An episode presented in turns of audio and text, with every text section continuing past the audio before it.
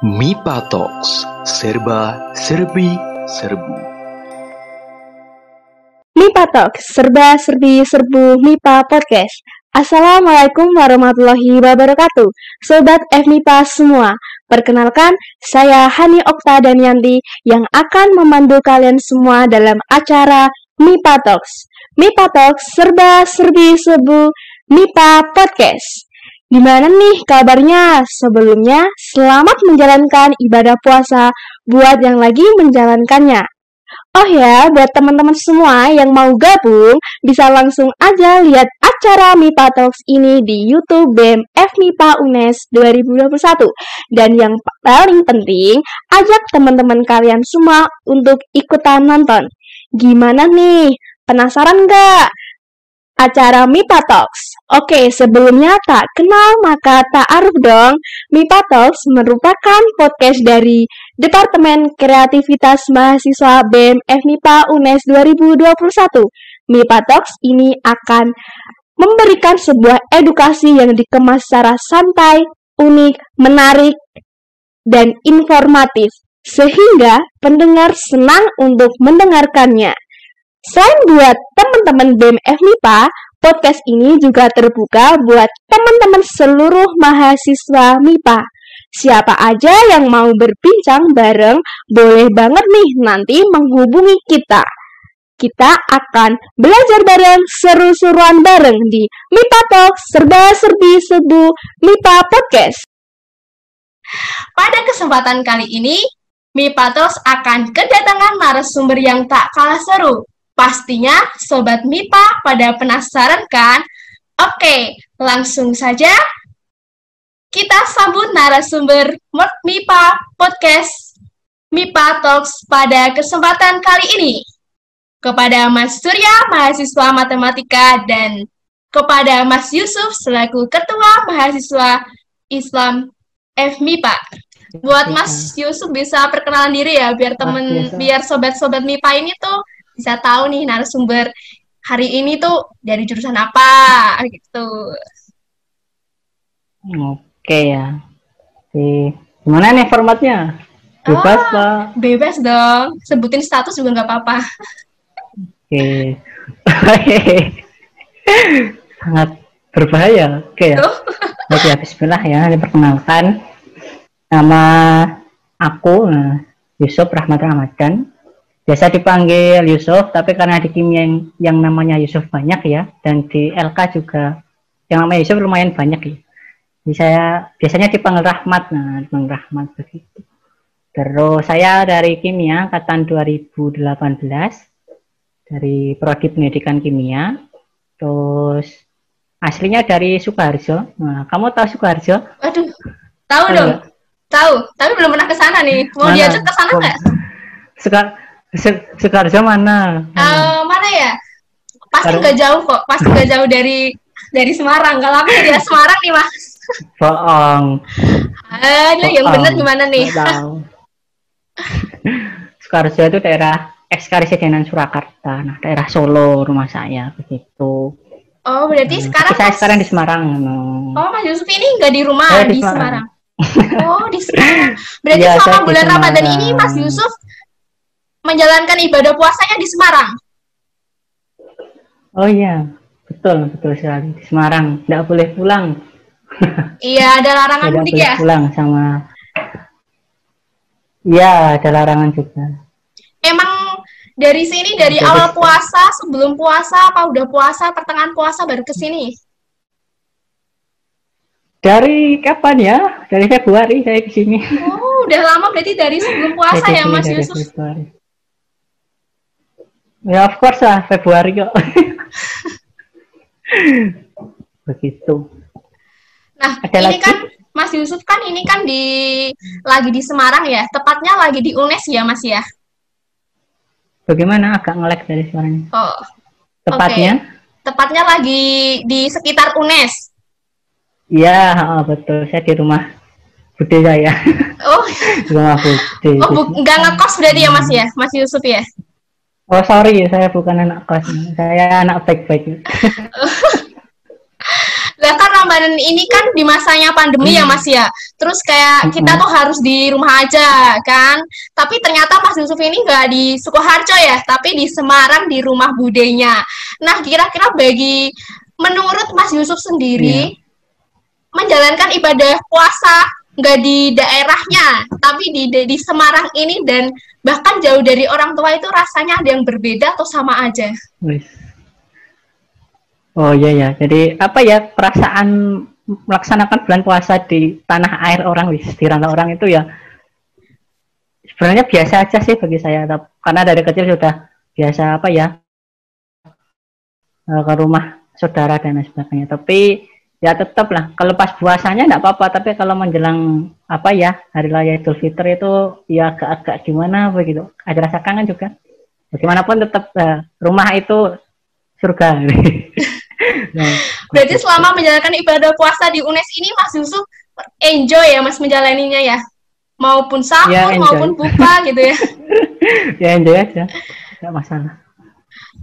Oke, buat Mas Surya sendiri nih, Mas Surya udah bisa gabung? Oh, sepertinya belum bisa gabung nih, ngobrol-ngobrol dulu sama Mas Yusuf ya. Cukup menarik sih. Eh, sebelumnya Ya, kira Gimana? Mas Yusuf ini di Sukoharjo, jadinya mau nanya nih gimana Ramadan di daerah sana. Kan pasti kan beda mungkin atau sama aja ya Mas ya? Atau udah Eh. kebiasa bulan Ramadan di UNES ini atau baru kali ini?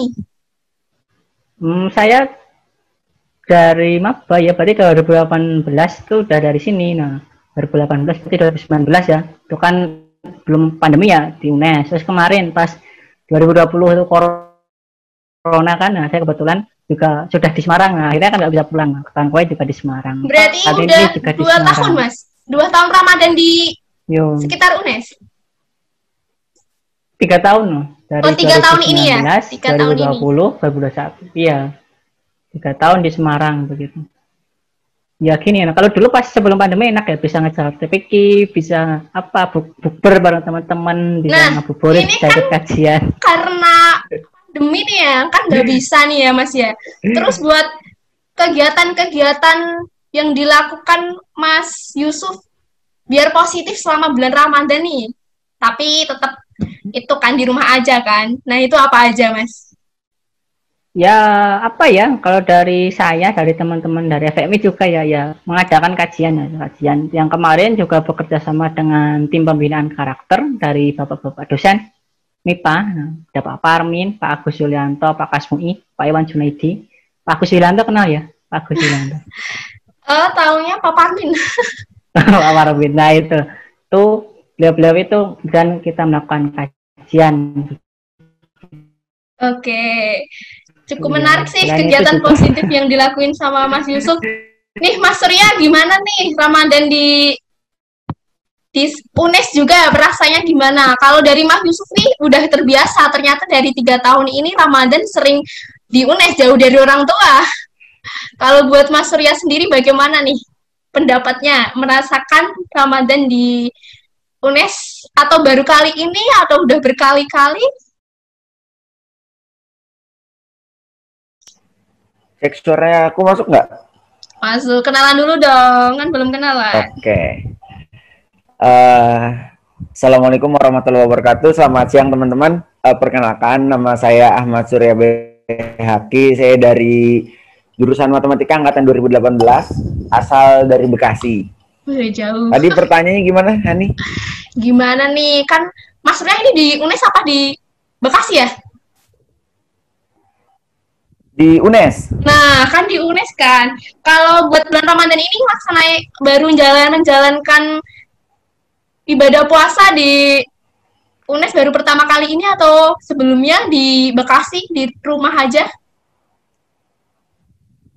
Oh enggak, kalau kalau buat ngejalanin puasa di UNES itu ini udah kedua kalinya. Eh, udah ketiga kali lah dari dari maba, ma- pas maba tuh pas Berarti puasa sama juga kayak tuh kalau nggak salah. ya? Cuman Iya, cuman kalau yang eh apa namanya?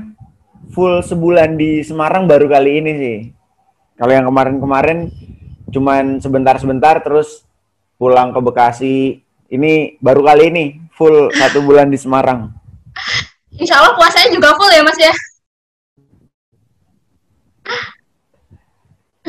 Aduh ketawa nih, full kan nih. full full full. Alhamdulillah okay. masih Dari full. Mas Yusuf sama Mas Surya ternyata menjalankan ibadah puasanya ini di Semarang di daerah sekitar UNES ya. Dan kalau misalnya di pandemi ini kan buat teman-teman, buat Mas Surya, buat Mas Yusuf, pastinya kan nggak bisa nih ketemu sama teman-temannya, nggak bisa tadi kayak bukber dan lain-lain.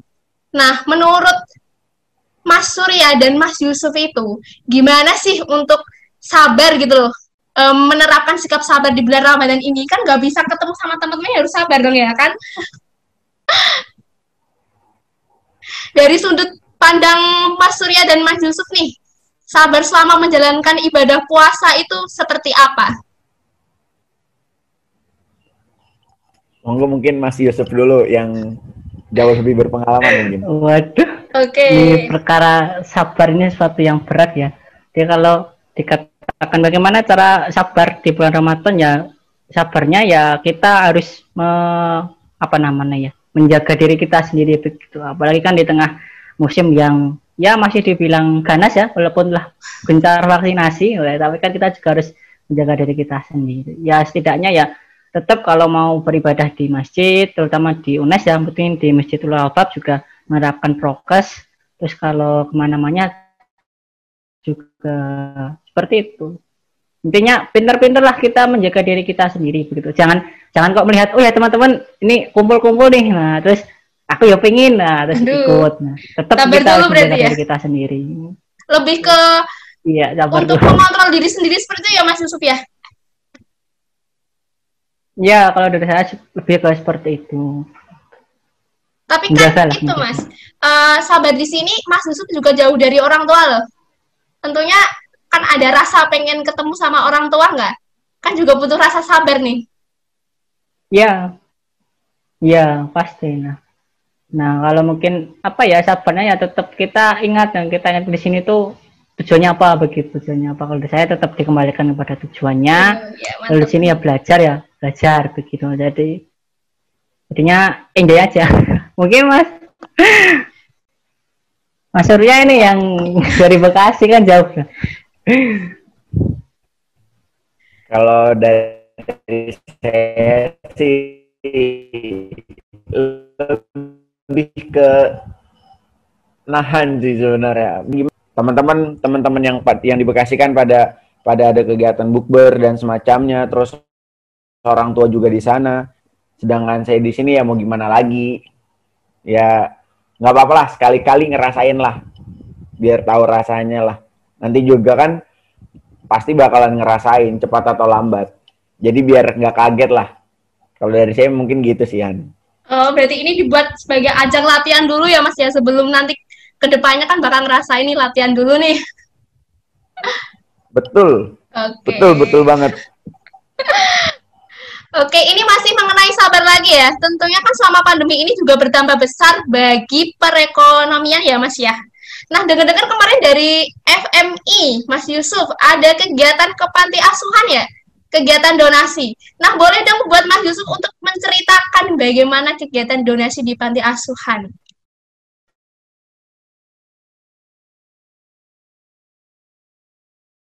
Halo, Mas Yusuf?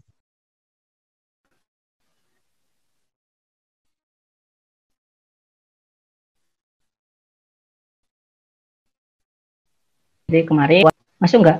Ya, masuk, sudah. masuk, masuk. Ya. Jadi kami ada dari FMI kemarin saya Yusuf Ramadan Ramadan ketua dan juga ada wakil saya ya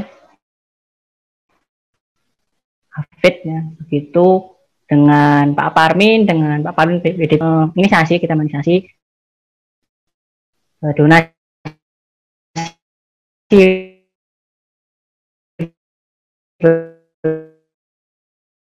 begitu donasi untuk nah kami berkunjung ke situ uh, dengan ada Pak Lurah juga ada Pak Lurah kemudian ada juga pengurusnya kemudian juga ada Pak Koramil ada juga Pak Polsek ya di situ. Ini memberikan donasi yang itu totalnya kemarin ada sekitar tiga setengah juta ya dari teman-teman baik dosen dan mahasiswa juga di MIPA seperti itu kami berikan santunan di situ. Kemarin ya tanggal berapa? Saya lupa. Pekan kemarin bapak. Seperti itu ditanyakan lagi? Duh, keren banget ya Mas. Pastinya kegiatan tersebut itu mendapatkan banyak pahala dan dapat membantu adik-adik di panti hmm. asuhan pastinya kan. Mengingat pandemi berdampak ya jelas. ya di perekonomian. Nah, buat teman-teman yang ada rezeki berlebih juga jangan lupa untuk saling membantu di sekitarnya. Oke, uh, gini buat Mas Surya dan Mas ya, Yusuf, uh, sama-sama di UNES kan tadi ya.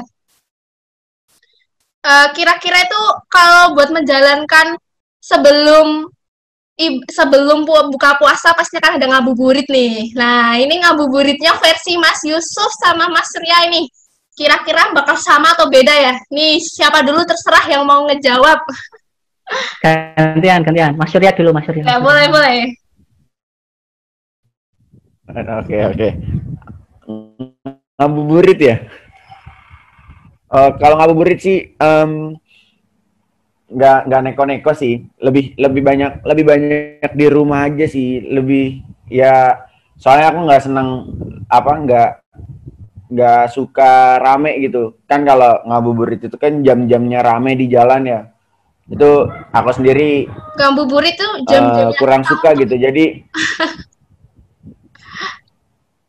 untuk meminta kepada Gimana? Allah loh mas ngabuburit itu jam-jamnya emasnya kita untuk memohon kepada Allah.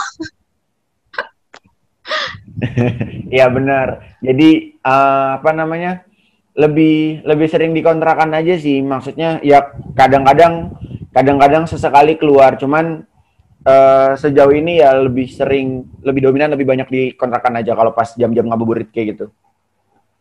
Ya, Mas Surya kan lebih banyak di kontrakan aja nih lah. Pertanyaannya tuh di kontrakan itu mengapain? Mungkin Mas Surya belajar atau melakukan hal lain atau mungkin Mas Surya ini juga belajar memasak buat buka puasa sendiri.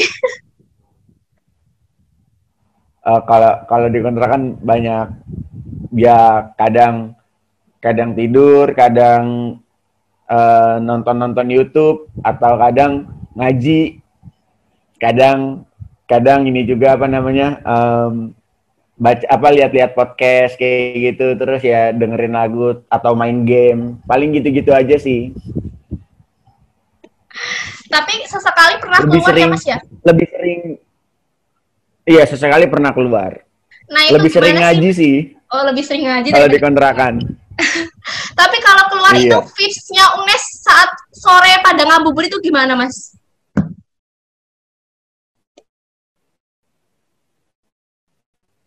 Wah, rame banget sih. Rame kayak yang bagi-bagi takjil di pinggir jalan, di KWU, di simpang tujuh kayak gitu kan banyak kayak itu jadi uh, mahasiswa yang kemarin-kemarin masih pada di Semarang tuh kalau pas jam-jam ngabuburit itu rame banget ngincer ngincer takjil gratisnya juga. Mas Rian ngincer juga kan nih? Jangan sampai kelewatan oh, sih kalau iya. bisa. Oke kalau buat Mas Yusuf sendiri nih, kalau Mas Surya kan itu ngaji di kontrakan, lebih banyak di rumah aja. Kalau buat Mas Yusuf sendiri? Wih, apa ya? Mungkin 11, 15 ya. Dengan apa yang dilakukan Mas Surya. Kalau saya tetap uh, ada sekali waktu di rumah gitu kan ini kan juga di rumah Bude bersama keluarga tapi sekali ya benar uh, mengincar itu loh mengincar takjil begitu ya. Benar yang dikatakan Mas Surya di Simpang Tujuh itu banyak LK yang membagikan makanan. Ya takjil gratis lah. Nah, terus juga kalau enggak ya di Ulabab begitu, di Masjid Nes begitu kan. Nah, sekali saya juga di situ gitu, di situ juga ya iseng lah. iseng gitu. Biasanya kan makanannya enak-enak ya, Mas Surya ya. diambil lah biasa ini begitu. gak jauh menunya gak jauh-jauh dari ayam biasanya mas iya ya apalagi kan untuk eh, skala mungkin mahasiswa ya yang stres kuliah daring gitu kan Wah, ayam itu luar biasa cukup bergizi nah itu. Apalagi gratis tapi selain itu ya. iya betul ya. Banyak gratis gitu. Nah, tapi selain mencari tadi ya, ya kalau dari saya kadang-kala kalau Mas Surya mungkin apa ya mencari takjil saja tapi kalau dari saya kemarin juga ikut membagi yeah. takjil begitu dengan teman-teman. Baik, uh, Mas Yusuf kan ini kan sebagai salah sebagai ketua FMI ya. Nah kemarin dari FMI mungkin ada agenda untuk menghabiskan ngabuburit dengan Oke, okay, so, saya ulangi lagi ya Mas ya. Mungkin dari kemarin dari FMI ada agenda menghabiskan ngabuburit dengan kajian ya Mas ya, Mas Yusuf. Uh, boleh dong buat Mas Yusuf untuk ya, menceritakan betul. baiknya hikmahnya untuk mengikuti kajian di bulan Ramadan ini. Ya betul ya. Uh, jadi saya cerita dulu seperti ini. Jadi di, di FMI uh, juga dari ini ya bekerja sama dengan bapak-bapak dosen di MIPA lakukan uh, kegiatan yang intinya mengisi bulan Ramadan ini biar biar semarak begitu. Nah ada timelinenya. Nah kalau dari kami kemarin yang sudah terlaksana uh, hari Kamis setiap hari setiap hari Senin sama Jumat itu ada kajian Ramadan berkah begitu. Terus setiap hari Kamis ada kotmil atau kataman bareng. Dan di hari Sabtu ini dari ini juga nanti sore ada juga kajian ya ada kajian kitab kuning taklim ta'alim seperti itu. Dan juga kajian tahsin setiap sore ada kajian MIPA dengan teman-teman rohis jurusan. Ada juga kajian apa namanya yang kemusliman bagi para akhwat. Nah, bagi para muslimah. Begitu. Uh, buat kajian ini kalau teman-teman. Bisa buat yang itu mana? mas? Uh, kajian-kajian yang ada di FMI ini bisa cross ke umum nggak? Atau hanya anggota FMI saja? Itu untuk umum untuk seluruh teman-teman LK juga. Saya juga udah siap ada info saya infokan ada grup sendiri ya info kajian MIPA. Ada juga grup dengan teman-teman LK lainnya. Ada juga grup apa ya di, biasanya disebarkan sih untuk umum. Nah, kalau teman-teman Mas Surya mau ikut nah monggo. Atau Dihani mau ikut monggo. Yang penting yang kalau muslimah Mas Surya jangan ikut seperti itu. Saya juga nggak boleh ikut masalahnya. Oke, berarti ini bisa buat umum mungkin dari sobat MIPA bisa ikut kajian bareng FMI ya Mas Surik Mas Yusuf ya. Ngomong-ngomong buat Iya, silahkan. Kalau kita ngomongin kajian wah pastinya Mas Ria ini sebenarnya juga sangat pro dengan kajian ya Mas ya? Um, gimana ya? Kajiannya ini sama juga atau berbeda Mas Surya? Gimana um, tadi itu juga sering melakukan kajian atau tidak jawabannya?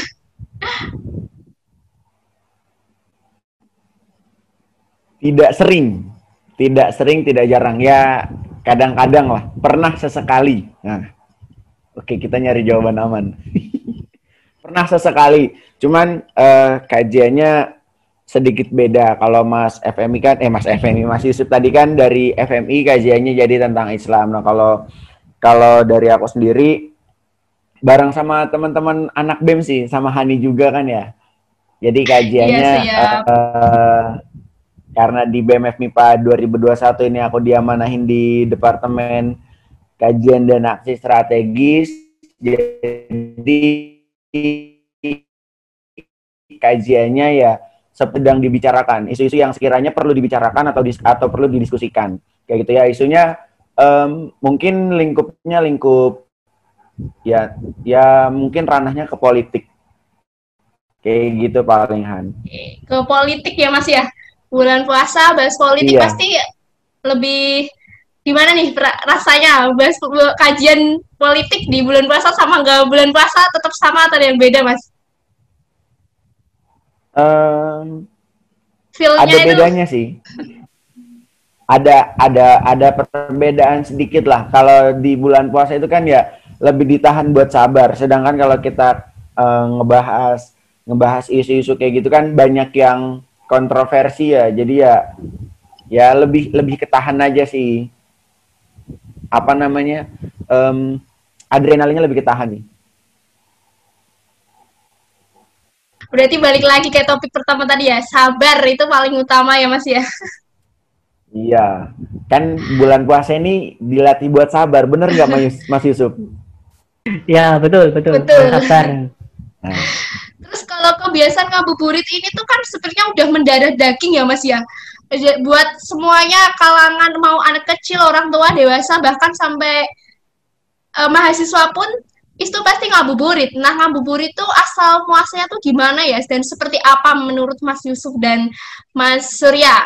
Dan yang dianjurkan ngabuburit yang baik dan bisa dapat pahala di Islam itu seperti apa ya Mas ya? Kayaknya kalau pertanyaan ini Mas Yusuf yang yang bisa jawab ya.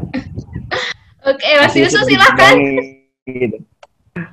Oke, nanti saya dulu ya. Mungkin nanti kalau ada salah bisa dikoreksi ya Mas Surya ya. Jadi kalau tidak salah, ngabuburit itu dari bahasa Sunda. Saya tidak tahu ya yang benar apa, tapi pokoknya ya, istilahnya adalah menghabiskan waktu begitu ya sebelum buka puasa. Kalau di Jawa nggak ada nama istilah ngabuburit. nggak ada istilah ngabuburit ya. Saya orang Jawa ya. Nah itu. Ya kalau dikatakan uh, gimana caranya biar positif ya kita sebagai umat Muslim, terutama di bulan puasa ini kan setiap amalan itu kan dilipat gandakan ya misal yang wajib dilipat gandakan eh, banyak apalagi yang sunnah begitu ya. Silahkan. Nanti yang penting kalau dari saya menganjurkannya eh, selama itu memberikan nilai kepositifan begitu ya. Yang ngaji ya ikut kajian ya nggak cuma seputar ibadah ya misal teman-teman dari MIPA yang ngerjain laprak kah atau ngerjain matematika yang ngerjain apa? Eh, membuktikan rumus diferensial atau dari teman-teman fisika apa kan banyak ya. Juga tidak apa-apa yang penting uh, nilainya itu diniatkan tetap dimulai dengan Bismillah begitu. Insya Allah dari situ tetap akan dinilai sebagai ibadah. Ya janganlah kemudian teman-teman itu ngabuburit cuma apa gibahin temen uh, atau ngabuburit Mungkin apa bisa ya? dijadikan sebuah diskusi ini mas. Diskusi untuk membahas soal diferensial di matematika.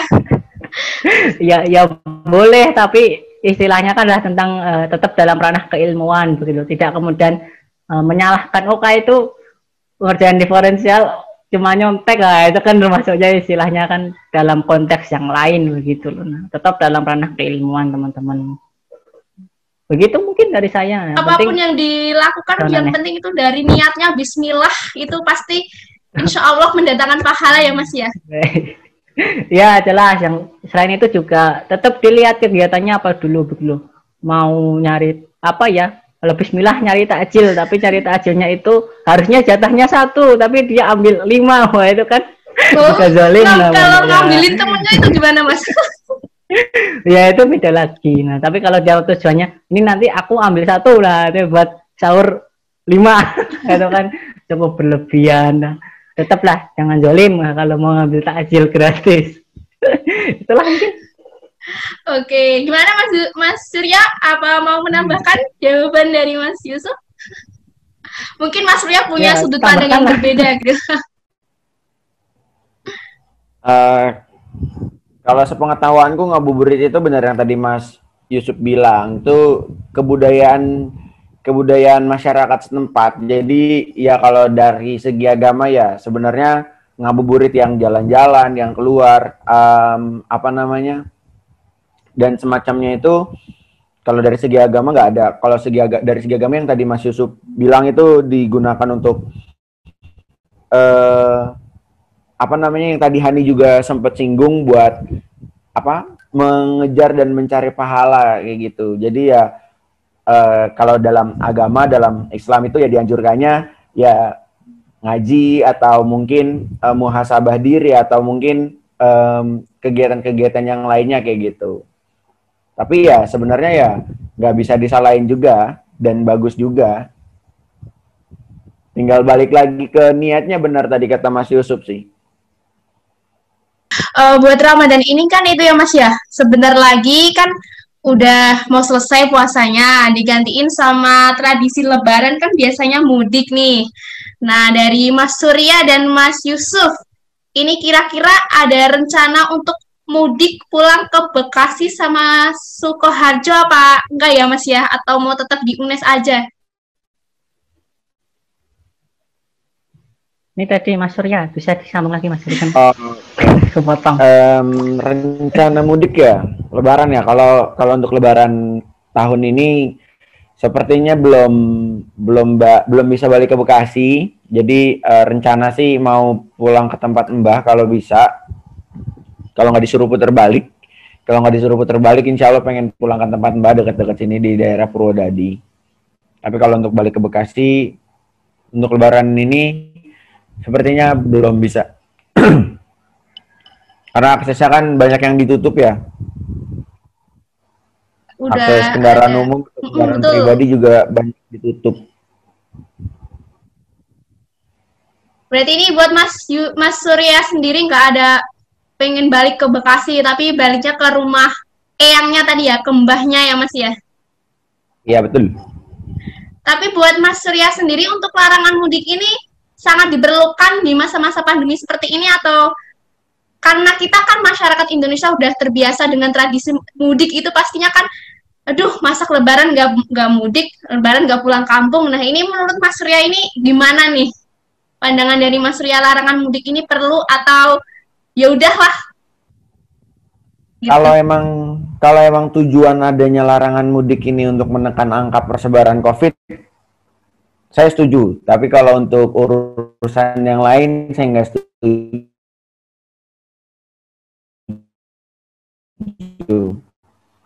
ada yang dimaksud dengan urusan yang lain ini seperti apa Mas? Ya kan ada ada ada rumor, ada hoax katanya eh, larangan larangan mudik ini ada kepentingan politik, ada kepentingan golongan dan semacamnya. Ya kalau misalkan emang pemerintah apa namanya pemerintah menetapkan adanya larangan mudik ini untuk menekan persebaran eh, COVID ya persebaran COVID ini biar nggak makin luas persebarannya. Ya itu ya yang kita tahu yang yang disampaikan media dan disampaikan para tenaga kesehatan itu kan orang-orang yang sudah berumur itu kan jauh jauh lebih rentan terkena COVID ini ya. Sedangkan em, orang-orang di kampung halaman kita itu kan kebanyakan eh, kita mau bertemu sama mbah kita, bertemu kakek, nenek, eyang eyang kita kan, yang notabene-nya sudah berumur. Jadi ya em, untuk menjaga yang kayak gitu, ya aku rasa untuk persebaran COVID ini itu perlu. Oke, Itu sih dari Mas Surya tuh larangan mudik ini perlu dijalankan dan ditaati ya Mas ya.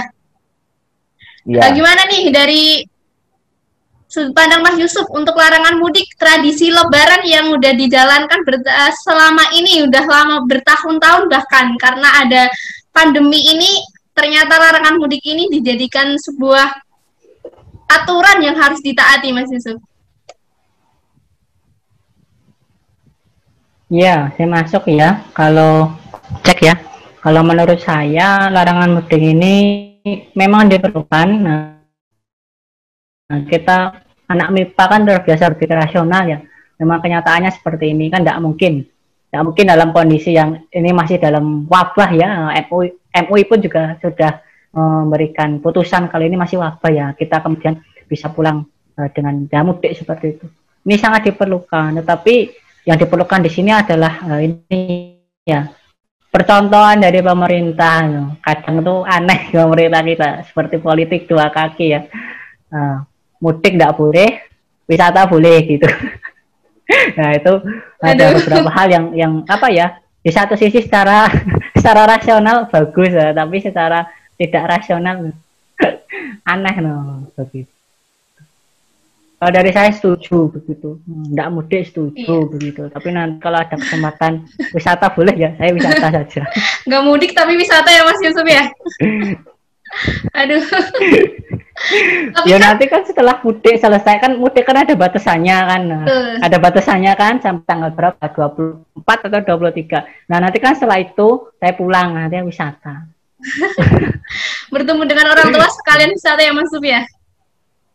Oke, tapi kan di oh, oh iya lah jelas lah Solo kan banyak baik Mas Yusuf, Mas Surya di tradisi Lebaran ini kan ada larangan mudik, tapi biasanya buat kita sendiri nih ada kegiatan sungkeman gitu ya Mas ya di mungkin di daerah Mas Yusuf dan daerah Mas Surya nyebutnya apa ya? Kalau di daerah saya itu nyebutnya sungkeman. Nah, itu kan saling minta maaf tadi satu sama lain gitu ya Mas ya. Kalau misalnya larangan mudik ini kan pasti feel-nya kurang dapet nih Mas. Nah, gimana nih menurut Mas Surya dan Mas Yusuf untuk mengatasinya? Seperti apa? Oke, mungkin gantian ya. Saya dulu ya Mas Surya ya, enggak apa ya. Kalau dari Ya, saya monggo, ada Mas. sungkeman. Nggak apa-apa, Ya, ah. Kalau dari saya memang ada budaya sungkemannya. Ya, dari kemarin ya, nah, tahun kemarin pun pas pandemi saya juga sudah di Semarang ya. Saya setidaknya lebih berpengalaman daripada Mas Surya kan tahun ini baru. Nah, tetap virtual begitu. virtual ya kan kita udah punya apa ya teknologi begitu ya. Ya walaupun mungkin di desa eh, ada juga beberapa orang tua yang tidak bisa memakai teknologi digital ya. Kita setidaknya kan punya telepon di telepon gitu kan. Sama saja intinya sama saja. Nah tetap apa ya kita sebagai anak ya eh, mengucapkan ya itulah Pak izin mohon maaf ya kalau kita ada banyak-banyak salah pada orang tua kita pada tidak cuma orang tua sebenarnya mungkin tetangga dekat sana atau mungkin guru-guru kita dan lain sebagainya mungkin itu ya, itu budaya yang yang ya sudah saya lakukan kemarin sudah sudah terbiasa Udah dila- bisa memanfaatkan Surya? teknologi yang ada ya Mas Yusuf ya. oh ya jelas of course ya kita kan bukan manusia purba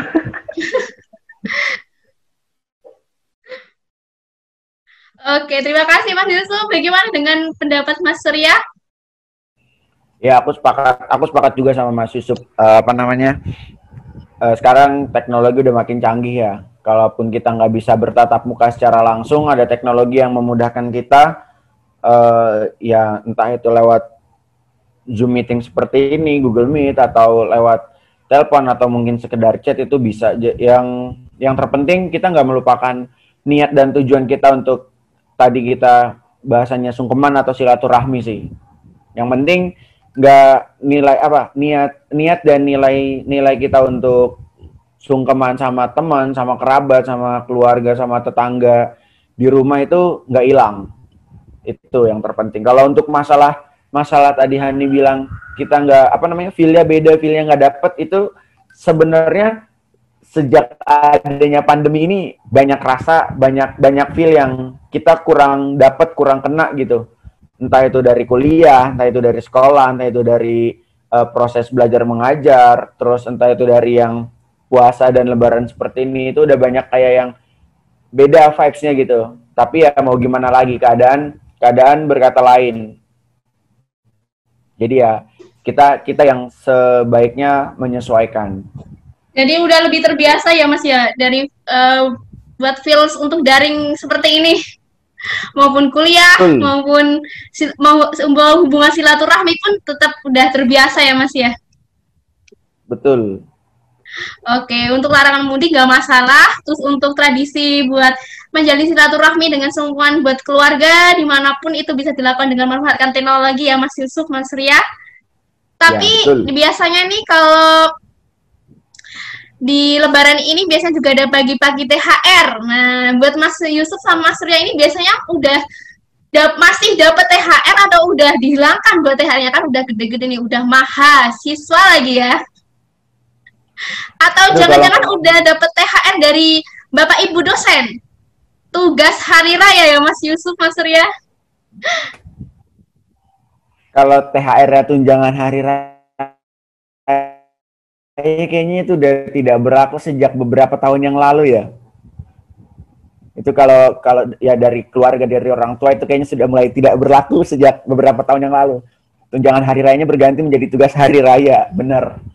Tapi alhamdulillah sih, alhamdulillah lebaran kali ini tidak diganggu dengan tugas-tugas kuliah. Alhamdulillah. Sejauh ini ya.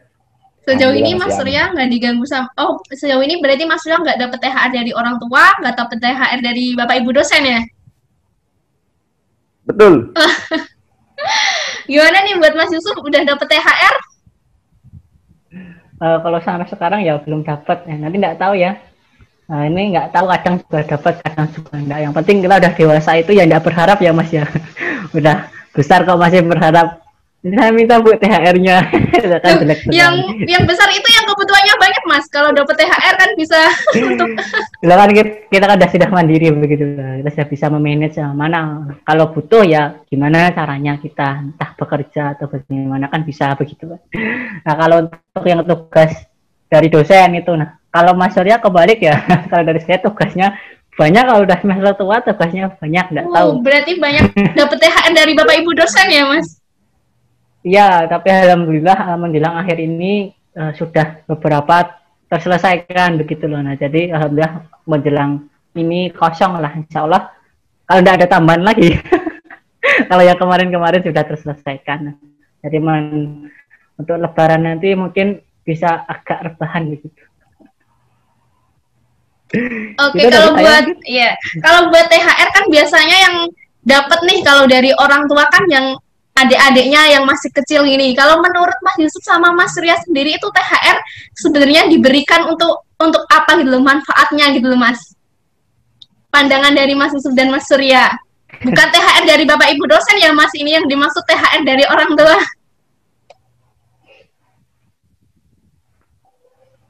Ya mungkin ya, saya dulu ya. Oh iya, mau, masih tuh, boleh boleh. ya kalau THR ya dari orang tua itu kalau kita pas masih kecil mungkin lebih ke arah motivasi ya. Oh ini Mas Surya udah puasa satu bulan penuh nih tak kasih THR begitu ya atau ya semacam motivasi. Nah tapi kalau sekarang kalau dikatakan butuh ya kita jujur saja butuh. tapi ya tetap tadi ya kita sesuaikan dengan kebutuhan kita. Gak mungkin kita juga uh, menyusahkan orang tua kita terus. Tapi kalau kita dikasih ya tidak apa-apa. Begitu. Kalau dikasih diterima ya Mas ya, Mas Yusuf. Iya, kalau dikasih diterima. Kalau tidak dikasih ya ya tidak apa-apa. Kalau nggak dikasih minta. kalau nggak dikasih minta Mas Yusuf. kalau di kira-kira kalau dikasih THR sama Bapak Ibu dosen lagi mau nggak Mas Yusuf ini? Uh, saya suka melobi nanti saya tolak begitu. saya pindah ke hari lain. Oke. Gimana nih buat Mas Surya? Sebenarnya uh, eh, THR itu diberikan itu fungsinya untuk apa gitu? Jujur kalau dari aku sendiri sebenarnya masih belum masih belum dapat masih belum nemu uh, makna dari makna atau esensi dari TH, adanya THR itu apa. Jadi kayak um, ada atau enggak adanya THR kayaknya ya um, ya ini sepengat eh, seinian aku ya kayak belum yeah.